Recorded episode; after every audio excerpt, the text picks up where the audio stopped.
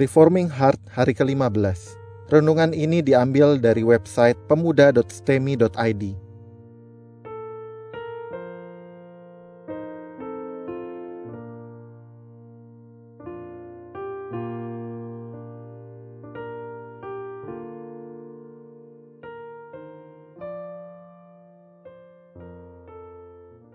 Tema renungan hari ini adalah Iman Yonatan. Mari kita membaca Alkitab dari 1 Samuel 14 ayat pertama hingga ayat ke-23. Demikian bunyi firman Tuhan. Pada suatu hari Yonatan bin Saul berkata kepada bujang pembawa senjatanya, Mari kita menyeberang ke dekat pasukan pengawal orang Filistin yang di sebelah sana. Tetapi tidak diberitahukannya hal itu kepada ayahnya. Adapun Saul duduk di ujung Gibea di bawah pohon delima yang di Migron dan rakyat yang ada bersama-sama dengan dia itu kira-kira 600 orang banyaknya. Ahia anak Ahitub, saudara Ikabot, anak Pinehas, anak Eli, imam Tuhan di Silo, dialah yang memakai baju efod pada waktu itu. Tetapi rakyat tidak tahu tentang perginya Yonatan itu. Di antara perlintasan-perlintasan bukit yang dicoba Yonatan menyeberanginya ke arah pasukan pengawal orang Filistin, ada ujung bukit batu di sebelah sini dan ada ujung bukit batu di sebelah sana. Yang satu bernama Bozes, yang lain bernama Sene. Ujung yang satu berdiri di sebelah utara di tentangan Mikmas, yang lain di sebelah selatan di tentangan Geba. Berkatalah Yonatan kepada bujang pembawa senjatanya itu, Mari kita menyeberang ke dekat pasukan pengawal orang-orang yang tidak bersunat ini. Mungkin Tuhan akan bertindak untuk kita, sebab bagi Tuhan tidak sukar untuk menolong baik dengan banyak orang maupun dengan sedikit orang. Lalu jawab pembawa senjatanya itu kepadanya, Lakukanlah niat hatimu itu, sungguh aku sepakat. Kata Yonatan, Perhatikan, kita menyeberang ke dekat orang-orang itu dan memperlihatkan diri kepada mereka apabila kata mereka kepada kita begini, Berhentilah sampai kami datang padamu, maka kita tinggal berdiri di tempat kita dan tidak naik mendapatkan mereka. Tetapi apabila kata mereka begini, Naiklah kemari, maka kita akan naik, sebab kalau demikian Tuhan telah menyerahkan mereka ke dalam tangan kita, itulah tandanya bagi kita. Ketika mereka keduanya memperlihatkan diri kepada pasukan pengawal orang Filistin, Berkatalah orang Filistin itu, Lihat, orang-orang Ibrani keluar dari lubang-lubang tempat mereka bersembunyi. Orang-orang dari pasukan pengawal itu berseru kepada Yonatan dan pembawa senjatanya. Katanya, Naiklah kemari, maka kami akan menghajar kamu. Lalu kata Yonatan kepada pembawa senjatanya, Naiklah mengikuti aku, sebab Tuhan telah menyerahkan mereka ke dalam tangan orang Israel. Maka naiklah Yonatan merangkak ke atas dengan diikuti oleh pembawa senjatanya. Orang-orang itu tewas terparang oleh Yonatan, sedang pembawa senjatanya membunuh mereka dari belakangnya. Kekalahan yang pertama ini yang ditimbulkan Yonatan dan pembawa senjatanya itu besarnya kira-kira 20 orang dalam jarak kira-kira setengah alur dari sepembajakan ladang. Lalu timbullah kegentaran di perkemahan, di padang dan di antara seluruh rakyat juga pasukan pengawal dan penjara-penjara itu gentar, dan bumi gemetar, sehingga menjadi kegentaran yang dari Allah. Ketika peninjau-peninjau Saul di Gibea Benyamin melihat hal itu, dan sesungguhnya orang ramai seperti ombak berjalan ke sana kemari, berkatalah Saul kepada tentara yang bersama-sama dengan dia itu, Periksalah barisan dan lihatlah siapa yang pergi daripada kita. Mereka memeriksa barisan, dan ternyata Yonatan dan pembawa senjatanya tidak ada. Lalu kata Saul kepada Ahia, "Bawalah baju efod kemari." Karena pada waktu itu dialah yang memakai baju efod di antara orang Israel. Tetapi sedang Saul berbicara kepada imam itu, maka kian lama kian bertambahlah keributan di perkemahan orang Filistin, sehingga Saul berkata pula kepada imam itu, "Biarlah, Kemudian berkumpullah Saul dan seluruh rakyat yang bersama-sama dengan dia itu. Dan ketika mereka sampai ke tempat pertempuran, tampaklah setiap orang menikam temannya dengan pedang, suatu huru hara yang sangat besar. Lagi pula orang-orang Ibrani yang telah lama tinggal pada orang Filistin dan yang telah ikut maju dalam tentara mereka, mereka juga berbalik untuk bergabung dengan orang-orang Israel yang ada bersama-sama dengan Saul dan Yonatan. Bahkan ketika semua orang Israel yang telah bersembunyi di pegunungan Efraim mendengar bahwa orang Filistin telah lari, orang-orang itu pun bergabung dengan mereka dalam pertempuran. Demikianlah Tuhan menyelamatkan orang Israel pada hari itu Pertempuran itu meluas sampai lewat Bet Awen. Mari kita merenungkan. Bacaan hari ini mencatat kemenangan yang Allah berikan bagi Israel. Catatan kemenangan yang tentunya akan menjadi jauh lebih spektakuler andai kata Saul menaati firman Tuhan dan Samuel masih bersama-sama dengan dia. Tetapi faktanya Saul gagal mendengarkan firman dan Samuel sudah meninggalkan dia. Di dalam kitab 1 Samuel 13 ayat yang ke-15 mengatakan bahwa Samuel bangkit dan memisahkan dirinya dari Gilgal ke Gibea Benyamin. Tetapi Tuhan tetap menyertai Israel. Tuhan memberikan kesempatan kepada Saul untuk bertobat dari ketidakpercayaannya dan belajar untuk mengandalkan Allah. Alangkah sabarnya Tuhan. Dia masih bersedia menunjukkan bukti penyertaannya melalui kemenangan luar biasa yang diperoleh Yonatan anak Saul. Yonatan mempunyai iman kepercayaan yang sangat besar kepada Allah. Dia berperang dengan hanya disertai satu orang untuk melawan sepasukan Filistin.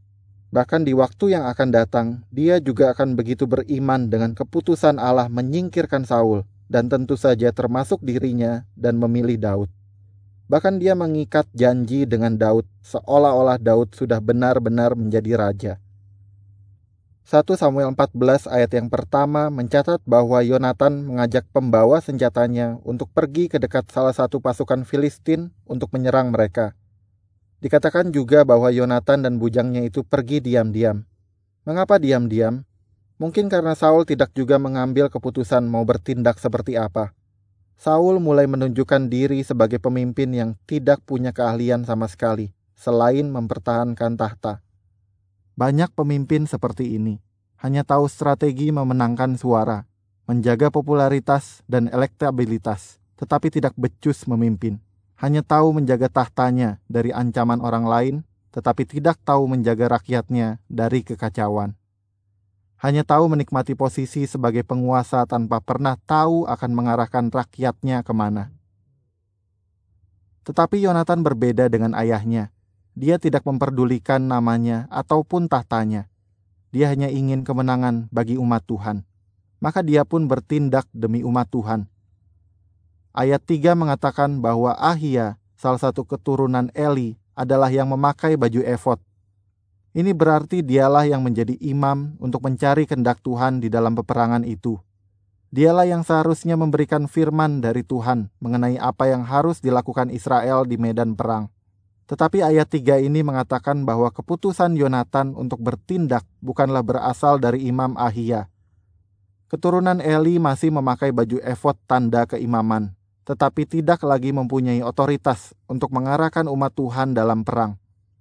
Tuhan bekerja melalui gerakan hati Yonatan dan tidak lagi memakai keturunan Eli, sebagaimana telah dinubuatkan dalam 1 Samuel 3 ayat 13 dan 14. Demikian bunyi firman Tuhan sebab telah kuberitahukan kepadanya bahwa aku akan menghukum keluarganya untuk selamanya karena dosa yang telah diketahuinya, yakni bahwa anak-anaknya telah menghujat Allah, tetapi ia tidak memarahi mereka. Sebab itu aku telah bersumpah kepada keluarga Eli, bahwa dosa keluarga Eli takkan dihapuskan dengan korban sembelihan atau dengan korban sajian untuk selamanya. Ahia masih menjabat sebagai imam sebagai jabatan kosong, karena fungsi imam tidak lagi ada padanya. Tuhan sedang menyatakan hukumannya bagi keluarga Eli, sebagaimana dalam kisah selanjutnya dia menghukum Saul yang memberontak kepada Tuhan. Baik Ahia maupun Saul sama-sama menduduki suatu jabatan kosong, jabatan tanpa fungsi. Orang yang menjabat sebagai pemimpin, baik politik maupun agama, yang mendapat penghormatan, fasilitas, dan penghargaan sebagai pemimpin juga akan sia-sia kalau Tuhan tidak memakainya. Untuk apa mencari jabatan kalau ternyata tidak berfungsi? Tetapi Yonatan memutuskan untuk melakukan sesuatu. Ayat 6 menunjukkan iman Yonatan. Tidak sulit bagi Tuhan untuk menolong meskipun hanya dua orang yang pergi berperang melawan sepasukan musuh di perkemahan mereka. Tetapi ayat 9 dan 10 menyatakan keberserahan penuh mereka kepada kehendak Tuhan. Kalau Tuhan mau, pasti terjadi, walaupun Tuhan tidak wajib melakukannya. Doa kita akan menjadi doa yang penuh dosa kalau hanya melihat ayat 6. Ayat 6 perlu diimbangi dengan ayat 9 dan 10 Pertanyaannya bukanlah apakah Tuhan sanggup, tetapi apakah Tuhan mau melakukannya. Tidak seorang pun bisa memonopoli Tuhan dengan permohonan yang diberi label iman. Saya yakin dan percaya bahwa Tuhan sanggup menolong, tetapi saya juga harus yakin dan percaya bahwa Dia tidak harus menolong. Tuhan tidak mempunyai kewajiban apa pun terhadap kita. Tuhan tidak mempunyai keharusan untuk bertindak sesuai dengan yang kita inginkan.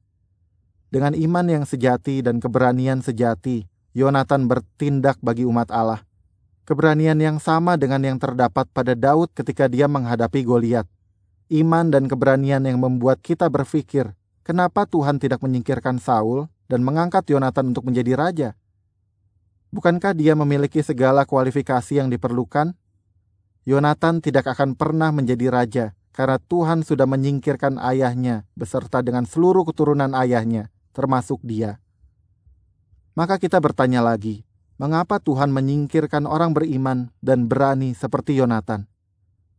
Pertanyaan ini tidak akan dijawab karena ini sebenarnya pertanyaan yang salah.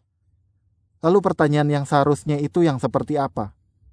Pertanyaan yang seharusnya adalah, mengapa di tengah-tengah keturunan Saul yang sudah disingkirkan tetap ada orang beriman dan pemberani seperti Yonatan yang Tuhan bangkitkan? Mengapa di tengah-tengah garis keturunan Saul, bahkan anak Saul sendiri, Tuhan izinkan ada seorang pahlawan besar seperti Yonatan? Cara bertanya seperti ini membuat kita peka melihat anugerah kebaikan Tuhan kepada orang yang disingkirkan sekalipun. Tuhan tetap membangkitkan Yonatan menjadi pahlawan besar, meskipun dia adalah anak Saul, raja yang menghina Tuhan dan yang akhirnya Tuhan singkirkan.